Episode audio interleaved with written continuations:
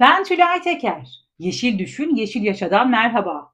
Podcast serimizin 14. bölümüne yeni nesil enerji kaynağı hidrojen diyerek başlamak istiyorum.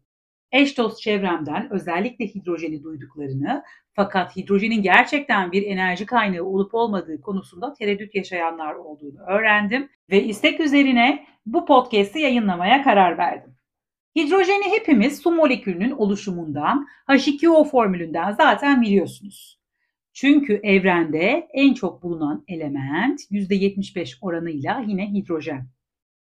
Hidrojen 16. yüzyılda keşfedilmiş. 1766 yılında diğer yanıcı gazlardan ayırt edilebilmiş. Çünkü hidrojenin yanmasıyla su oluştuğu tespit edilmiş.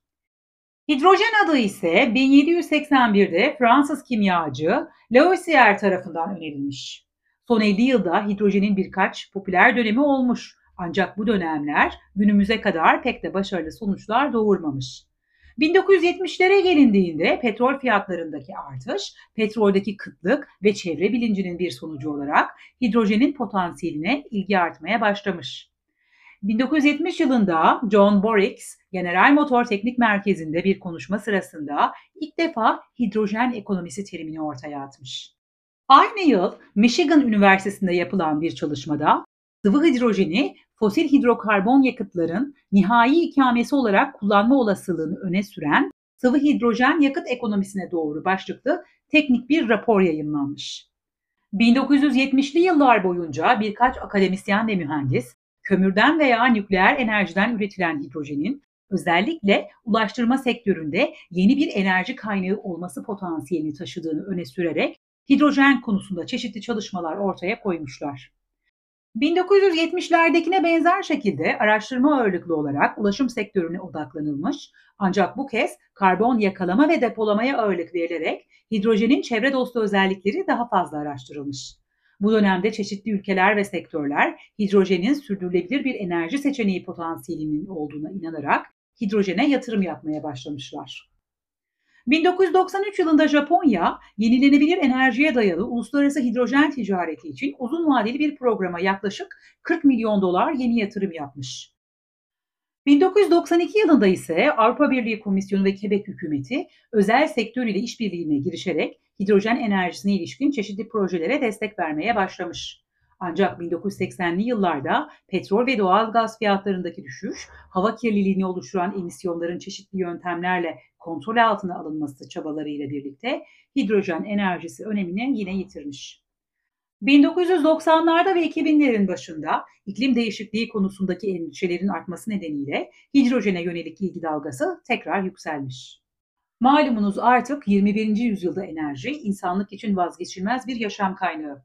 Artan nüfus doğrultusunda enerjiye olan ihtiyacın artması ile kullanılacak olan enerji kaynağının hem yenilenebilir hem de çevre dostu olması araştırmaları alternatif enerji kaynaklarına yöneltmiştir. Yenilenebilir enerji kaynaklarının kullanımında bazı kısıtlı noktaların bulunması nedeniyle de hidrojenin yenilenebilir enerji kaynakları ile birlikte kullanımı öngörülmektedir. Üretim tipine bağlı olarak değişse de büyük oranda temiz ve çevreci bir enerji kabul edilmesi nedeniyle hidrojen enerjisinin önemi son yıllarda artmıştır. Uluslararası Yenilenebilir Enerji Ajansı'nın Dünya Enerjisinin Dönüşümü Görünümü raporunda yayınlanan yol haritasına göre 2050 yılına kadar yeşil hidrojenin bugünkünden çok daha fazla bir hacme sahip olması beklenmektedir. Peki hidrojen enerjisinin kaynakları nelerdir diye soracak olursanız, İlk sırada fosil yakıtlar geliyor. Fosil yakıtlardan hidrojen elde edilebilmesi için kullanılan teknikler arasında reformasyon, kısmi oksidasyon, piroliz ve gazlaştırma gibi üretim teknolojileri öne çıkıyor. Fosil yakıtları oluşturan hidrokarbon molekülleri reformasyon işlemiyle yeniden biçimlendirilerek hidrojenin serbest bırakılmasını sağlıyor. Reformasyon işlemi reaksiyona giren gazların reaksiyon sonucunda yeniden düzenlenmesi olarak da özetlenebilir. İkinci sırada ise yenilenebilir enerji kaynakları yer alıyor. Doğru akım uygulanarak suyun hidrojen ve oksijene ayrılması işlemine elektroliz adı verilir. Elektrokimyasal hidrojen üretim tekniği olarak da tanımlanan elektroliz, teknolojik açıdan oldukça gelişmiş bir yöntemdir. Elektroliz işlemi elektrolizatör denilen birimlerde gerçekleştirilir. Yakıt pilleri gibi elektrolizatörler de bir elektrolit sıvı ile ayrıştırılmış iki elektrottan anot ve katottan oluşur. Elektrotlara doğru akım uygulanır ve elektrolit sıvı ile pozitif elektrottan anot, negatif elektrota katot akımı iletilir. İşlem sonunda elektrolit içindeki su hidrojen ve oksijene ayrışır. Üçüncü hidrojen kaynağımız nükleer enerji olarak karşımıza çıkıyor. Mevcut nükleer santraller ve doğal gaz kazanlarından daha düşük maliyetlerde yüksek kaliteli su buharı üretilebilir ve buhar reformasyonu dahil birçok endüstriyel işlemde kullanılır. Bununla birlikte bu yüksek kaliteli buhar elektrolize edildiğinden ve saf hidrojen ile oksijene ayrıştırıldığından yüksek verimde hidrojen elde etmek mümkün olabilmektedir. 1000 megawattlık bir nükleer reaktörden yılda 200 bin ton hidrojen üretimi mümkün olmaktadır.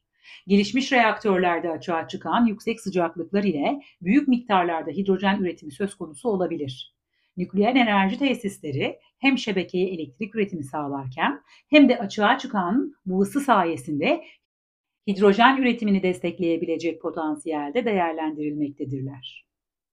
Ayrıca nükleer enerji santralleri karbon emisyon salımına neden olmadıkları için yeşil enerji kaynağı olarak görülmekte. Bu reaktörler aracılığıyla üretilebilecek olan hidrojen de yeşil hidrojen statüsünde kabul görmektedir. Gelelim hidrojen üretim yöntemlerine göre hidrojen enerjisi renklerine.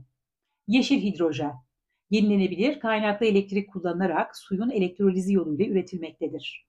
Yeşil hidrojen karbondioksit içermez. Yeşil hidrojen yakıt olarak kullanıldığında karbon salımına neden olmaz. Yeşil hidrojen yakıt olarak tüketildiğinde atık maddesi saf oksijendir. Elektriği depolamak için çok sayıda kimyasal barındıran bataryalar kullanılır. Oysa hidrojen, fosil yakıtlar, petrol türevleri, doğal gaz, LPG gibi sıvı olarak depolanabilir. Sarı hidrojen ise nükleer enerji kullanılarak suyun elektrolizi yoluyla üretilmektedir. Yeşil ve sarı hidrojen sıfıra yakın sera gazı salımına sahiptir. Mavi hidrojen Karbon yakalama ve depolama ile buhar metan reformasyonu yoluyla üretilmektedirler. Turkuaz hidrojen Karbon siyahı veya is karası ile piroliz yoluyla yan ürün olarak üretilmektedirler. Her iki yani mavi ve turkuaz hidrojen de düşük sera gazı salımına sahiptir. Şimdi ise yüksek sera gazı salımına sahip gri hidrojenden bahsedeceğim. Doğal gaz kullanılarak buhar metan reformasyonu yoluyla üretilen bir hidrojendir. Sizlere terminolojik küçük bir bilgi daha vermek istiyorum. Hidrojenin üretiminden dağıtımına hazır hale gelene kadarki süreçte tüm süreçlerin gerçekleştirildiği yerlere karbon çiftliği denilmektedir. Türkiye Cumhuriyeti Enerji ve Tabii Kaynaklar Bakanlığı tarafından yayınlanan Türkiye Hidrojen Teknolojileri Stratejisi ve Yol Haritası 2023 raporunda belirtildiği üzere Bakanlığımız sürdürülebilir enerji geleceğine katkısı nedeniyle hidrojeni öncelikli alanlardan biri olarak ilan etmiştir. Ekonomik kalkınma ve 2053 net sıfır emisyon hedefi doğrultusunda hidrojen kullanılarak karbon sıfır bir ekonomi modeli oluşturulması planlanmaktadır. 2035 yılından 2053 yılına kadar kademeli olarak hidrojen üretim maliyetlerinin düşürülmesi hedeflenmektedir. Ülkemizin sahip olduğu yüksek yenilenebilir enerji potansiyeli ve jeopolitik konum gibi avantajları yapılacak ARGE çalışmaları faaliyetleriyle üretilen hidrojenin hem yurt içinde kullanılabileceği hem de yurt dışına ihraç edilebileceği değerlendirilmektedir. Hidrojen, taşımacılık, petrokimya ve demir çelik gibi emisyonları azaltmanın zor olduğu sektörlerde dekarbonizasyonu sağlayabilecek yöntemler öneren bir kaynaktır. Ayrıca hidrojen, hava kalitesini iyileştirmeye ve enerji güvenliğini arttırmaya da yardımcı olabilmektedir. Hidrojen sayesinde enerjiyi farklı şekillerde üretebilecek, depolayabilecek, taşıyabilecek ve kullanabilecek teknolojiler bulunmaktadır. Yani hidrojen aslında çok yönlü bir enerji kaynağıdır. Boru hatlarıyla, tankerlerle ve gemilerle sıvı halde taşınabilen hidrojen, elektriğe ve metana dönüştürülerek haneler veya üretim sektörleri için enerji olarak veya arabalarda, kamyonlarda, gemilerde ve uçaklarda yakıt olarak kullanılabilmektedir. Şimdi de size hidrojenle çalışan gereçleri veya araçlardan bahsetmek istiyorum. İlk girişim Türkiye'de Baymak firmasının da içinde bulunduğu BDR Termo Grup tarafından yapılan hidrojenle çalışan kombinin pilot çalışmasıdır. Buna benzer olarak ilk Türk girişimi Alarko Carrier firması da hidrojenle çalışan kombiyi tasarlamış ve takip ettiğim kadarıyla 2004 yılından itibaren de piyasaya sürmeye hazırlanmaktadır. Hyundai ve Toyota firmaları tarafından geliştirilen hidrojenle çalışan otomobiller, ayrıca otokar firması tarafından geliştirilen hidrojenle çalışan otobüsler, hidrojenin orta vadede enerji kaynağı olarak kullanılabileceği ve yaygınlaşacağı anlamına geliyor. Enerjisa Üretim AŞ, Bandırma Enerji üstünde 200 bin euroluk yatırımla pilot proje kapsamında doğal gaz çevrim santrallerinin jeneratörlerinin soğutulması amacıyla yeşil hidrojen üretmeye başladıklarını ve yine Bandırma Enerji üstünde kurulması planlanan yeşil hidrojen tesisi için Güney Marmara Kalkınma Ajansı, Etimaden, TÜBİTAK, Enerji Üretim ve Aspilsan Enerji ile bir işbirliği protokolü imzaladığını duyurdu. Özel sektör tarafından yapılan bu denli yatırımlar bizlere gerçekten hidrojenin gelecek nesillerin enerji kaynağı olması konusunda umutlandırıyor. Diğer yandan yeşil hidrojen üreticileri kendilerini bir dernek çatısı altında da birleştirmişler. Yeşil Hidrojen Üreticileri Derneği HŞKİDER etkin çalışmalarıyla göz dolduruyor. Derneğin yaptığı çalışmalara göz atmak isterseniz linkini podcast'imin açıklama kısmına bırakıyorum. Bölümün sonuna gelirken geleceğin enerji kaynağı elektrik mi, hidrojen mi tartışmaları havalarda uçuşurken hepimizin tek gerçeği yeşil enerjinin her halükarda yaygınlaşması. Ben şahsen Türkiye'nin 2053 yılı karbon sıfır hedefine ulaşabilmesi için yeşil hidrojenin zorunlu olduğuna inananlardanım. Çünkü aklımızda hep geleceğe neler bırakabiliriz sorusu bulunuyor. Öyleyse sevgiyle kalın, hoşça kalın, yeşil düşünüp yeşil yaşayın.